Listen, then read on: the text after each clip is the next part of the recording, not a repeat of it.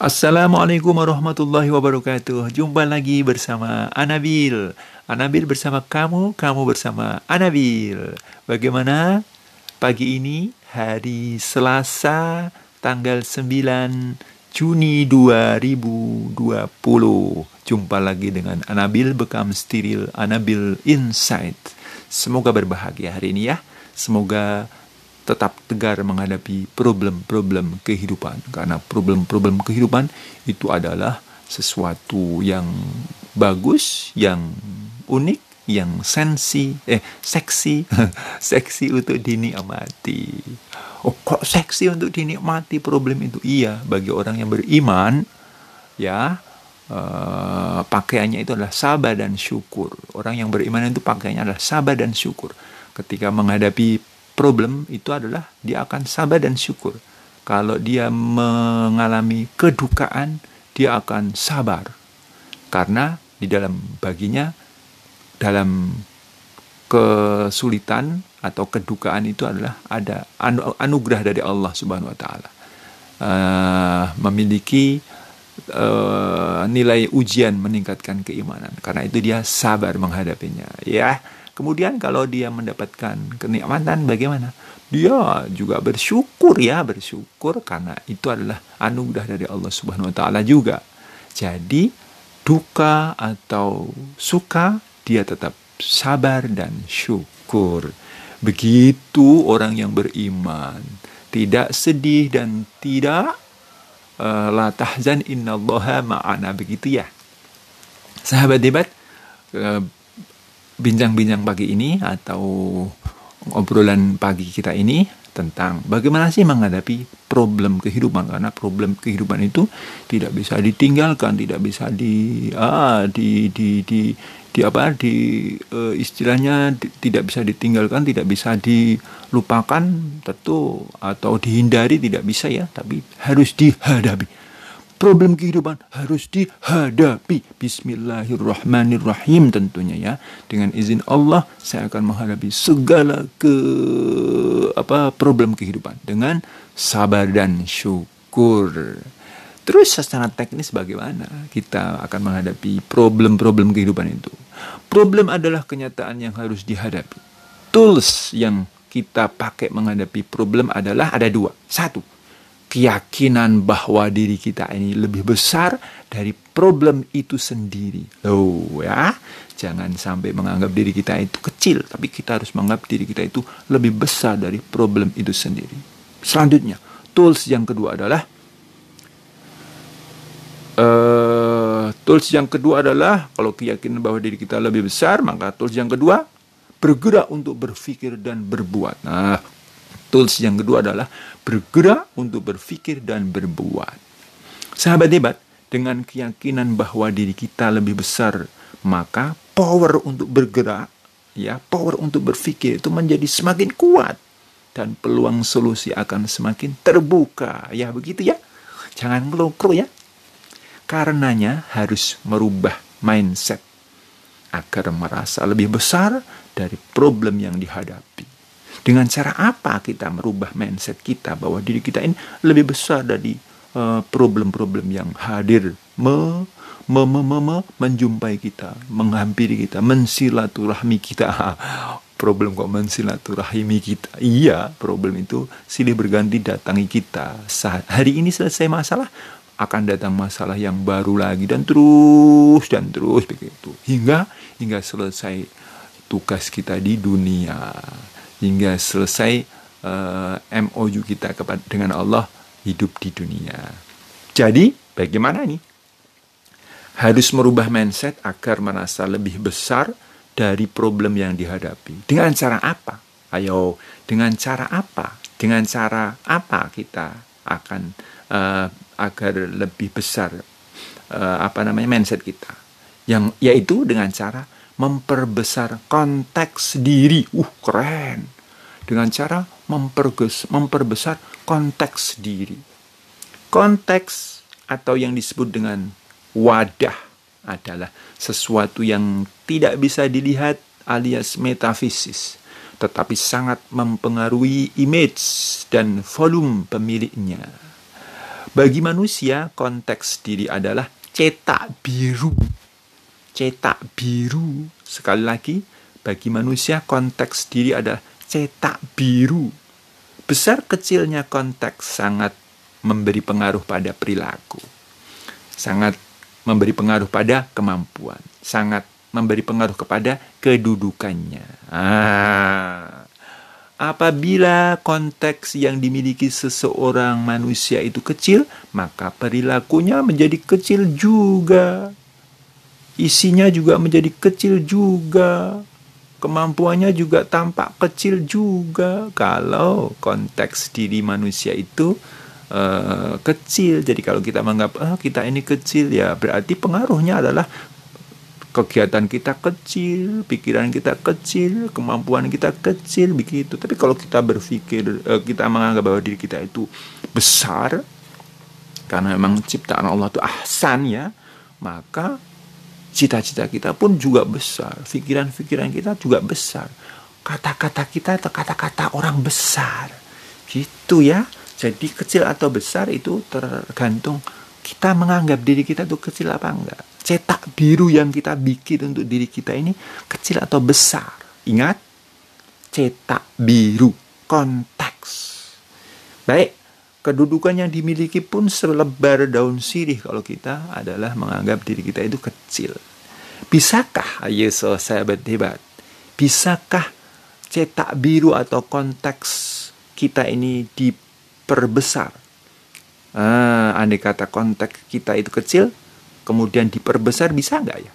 Bagaimana memperbesar konteks diri? Ayo, bagaimana caranya memperbesar konteks diri? Konteks diri, cetak biru diri manusia sangat bisa diperluas, sangat bisa diperbesar sebesar-besarnya. Ya, sebesar-besarnya itu semua bergantung pada sejauh mana kemauan kita ya. Ya, jadi bisa konteks cetak biru kita ini bisa diperbesar sebesar-besarnya tergantung bagaimana kemauan kita. Apakah kita mau memperbesar atau memperkecil atau memperbesar eh, secukupnya atau betul-betul memperbesar yang sebesar-besarnya. Ya, tentunya dengan izin Allah Subhanahu wa taala. Sekali lagi izin Allah Subhanahu wa taala. Sejauh mana kemauan kita manusia berupaya mengembangkan konteks diri, cetak biru diri. Baik, saudara-saudaraku, dengan cara ya bagaimana sih sekarang kita memperbesar konteks diri kita. Yang pertama, yang pertama membangun identitas diri. Ah, dicatat ya. Membangun identitas diri. Konteks diri sangat berhubungan dengan definisi yang dituliskan untuk memaknai identitas diri. Definisi seperti apa yang kita inginkan untuk memaknai diri kita. Kita mau mendefinisikan diri kita sebagai pemimpin atau bawahan. Kita mau mendefinisikan diri sebagai orang yang bertakwa atau yang munafik. Pemimpin itu tanggung jawabnya besar, memiliki kedudukan besar memiliki pikiran yang besar dan idenya pun besar. Sebaliknya, bawahan itu selalu disuruh dan selalu menjadi objek. Ah, kita mau mengidentitaskan diri kita sebagai orang yang besar ataupun orang kecil, ah, ya, menjadi pemimpin atau orang bawahan, orang nomor satu atau orang nomor dua. Ayo, ya, kita ingin mengidentitaskan diri sebagai orang yang Eh, besar atau kecil. Opsi mana yang akan kita pilih? Sebagai pemimpin atau sebagai bawahan? Sebagai orang bertakwa atau sebagai orang yang munafik? Nah, begitu ya. Membangun identitas diri. Itu yang pertama. Selanjutnya, bagaimana biar konteks diri kita menjadi besar. Yang kedua adalah membangun keyakinan. Kalau tadi membangun uh, identitas diri, yang kedua membangun keyakinan. Opsi mana yang akan kita pilih untuk identitas kita? Kemudian apabila kita telah memilih label pemimpin, nah ini kata nih ya, maka kita harus percaya diri nah, dan optimis bahwa kita bisa menjadi pemimpin. Identitas kita diri sudah kita bentuk, lalu kita akan yak, harus yakin kepada identitas itu tadi. Kalau kita mengidentitaskan diri sebagai pemimpin, maka yang kedua adalah kita harus yakin bahwa kita bisa menjadi pemimpin. Kita yakin mampu menjalankan semua tugas kewajiban sebagai pemimpin. Dan tidak ada kata pesimis. Serta yakin Allah memberi support maksimal atas pilihan kita menjadi pemimpin. Oh, keren ya? Keren sekali nih. Wah, mantap nih. Selanjutnya, selanjutnya membangun nilai. Percaya diri dan optimis merupakan satu di antara nilai-nilai yang kita bela, yang kita jadikan karakter, penghias perilaku dan aktivitas kita Keyakinan bahwa Tuhan akan memberi support maksimal pada kita merupakan nilai yang sangat tinggi yang harus selalu menghiasi rohani kita. Karenanya, selalu semangat untuk berbuat, beraktivitas, dan berinovasi, serta berkreasi. Tidak ada kata henti dan malas. Inilah nilai yang harus kita bangun. Selanjutnya, yang Keempat, untuk membesarkan kontak diri atau e, cetak biru diri, yaitu membangun keterampilan.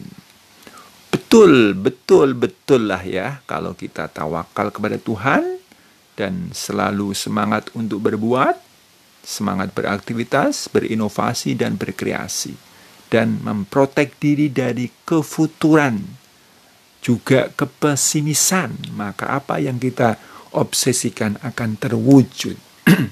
Sebagai pelengkapnya adalah kita harus membangun keterampilan dasar ya, yaitu berbicara yang santun, komunikasi yang asertif, yang baik, terus pengendalian emosi dan mengerjakan pekerjaan dan melengkapi skill ya. Jadi yang pertama untuk membangun kontak diri cetak biru diri. Nah, itu yang pertama apa? Cara membesarkan konten diri yang pertama tadi membangun identitas diri. Pilih kita mau mengidentitaskan diri sebagai pemimpin atau bawahan. Setelah itu, setelah identitas diri, terus kita membangun keyakinan diri. Kalau kita sudah mengidentitaskan diri sebagai pemimpin, maka keyakinan diri harus diciptakan, yaitu yakin saya bisa menjadi pemimpin begitu. Terus membangun nilai diri ya, membangun nilai diri. Kemudian yang ke, ke, keempat membangun keterampilan diri. Insya Allah dengan membangun tiga tahapan ini kita bisa membesarkan konteks, membesarkan cetak biru diri.